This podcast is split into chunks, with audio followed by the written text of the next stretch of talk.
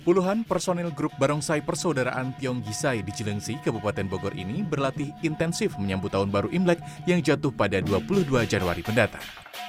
Hingga Senin sore, mereka telah kebanjiran order untuk tampil di beberapa acara pertunjukan barongsai di Jabodetabek.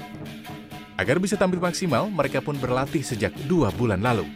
Latihan ini dilakukan dua kali sehari dengan durasi yang lebih lama dari biasanya.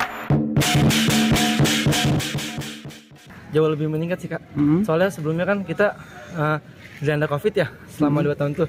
Jadi kita selama covid itu benar-benar nggak ada aktivitas kok di sini. Jadi Ini sudah banyak orderan berarti. iya betul. Udah apa lama belajar? Setahun sih. Udah setahun belajar. Eh, sulitnya apa sih, Dek? Sulitan juga seperti tadi angkat itu angkat-angkat.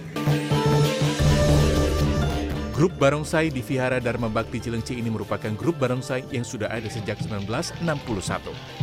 Dalam kiprahnya, grup ini juga telah banyak menorehkan prestasi baik tingkat nasional maupun lokal se-Jawa Barat. Selain permainan barongsai, grup ini juga biasa memainkan atraksi liong atau naga yang anggotanya mayoritas perempuan.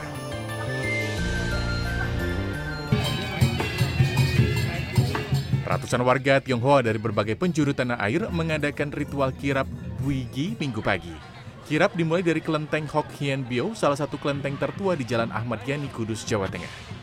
48 peserta dari berbagai kelenteng di Indonesia turut memeriahkan kirap.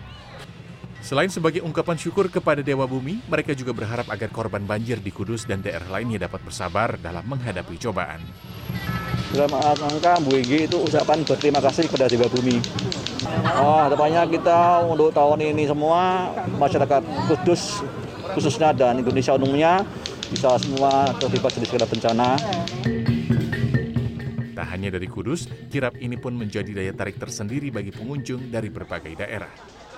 Ya maksudnya ya kita biar kita sehat-sehat, damai, Indonesia tambah jaya, nggak ada bencana, nggak ada keributan.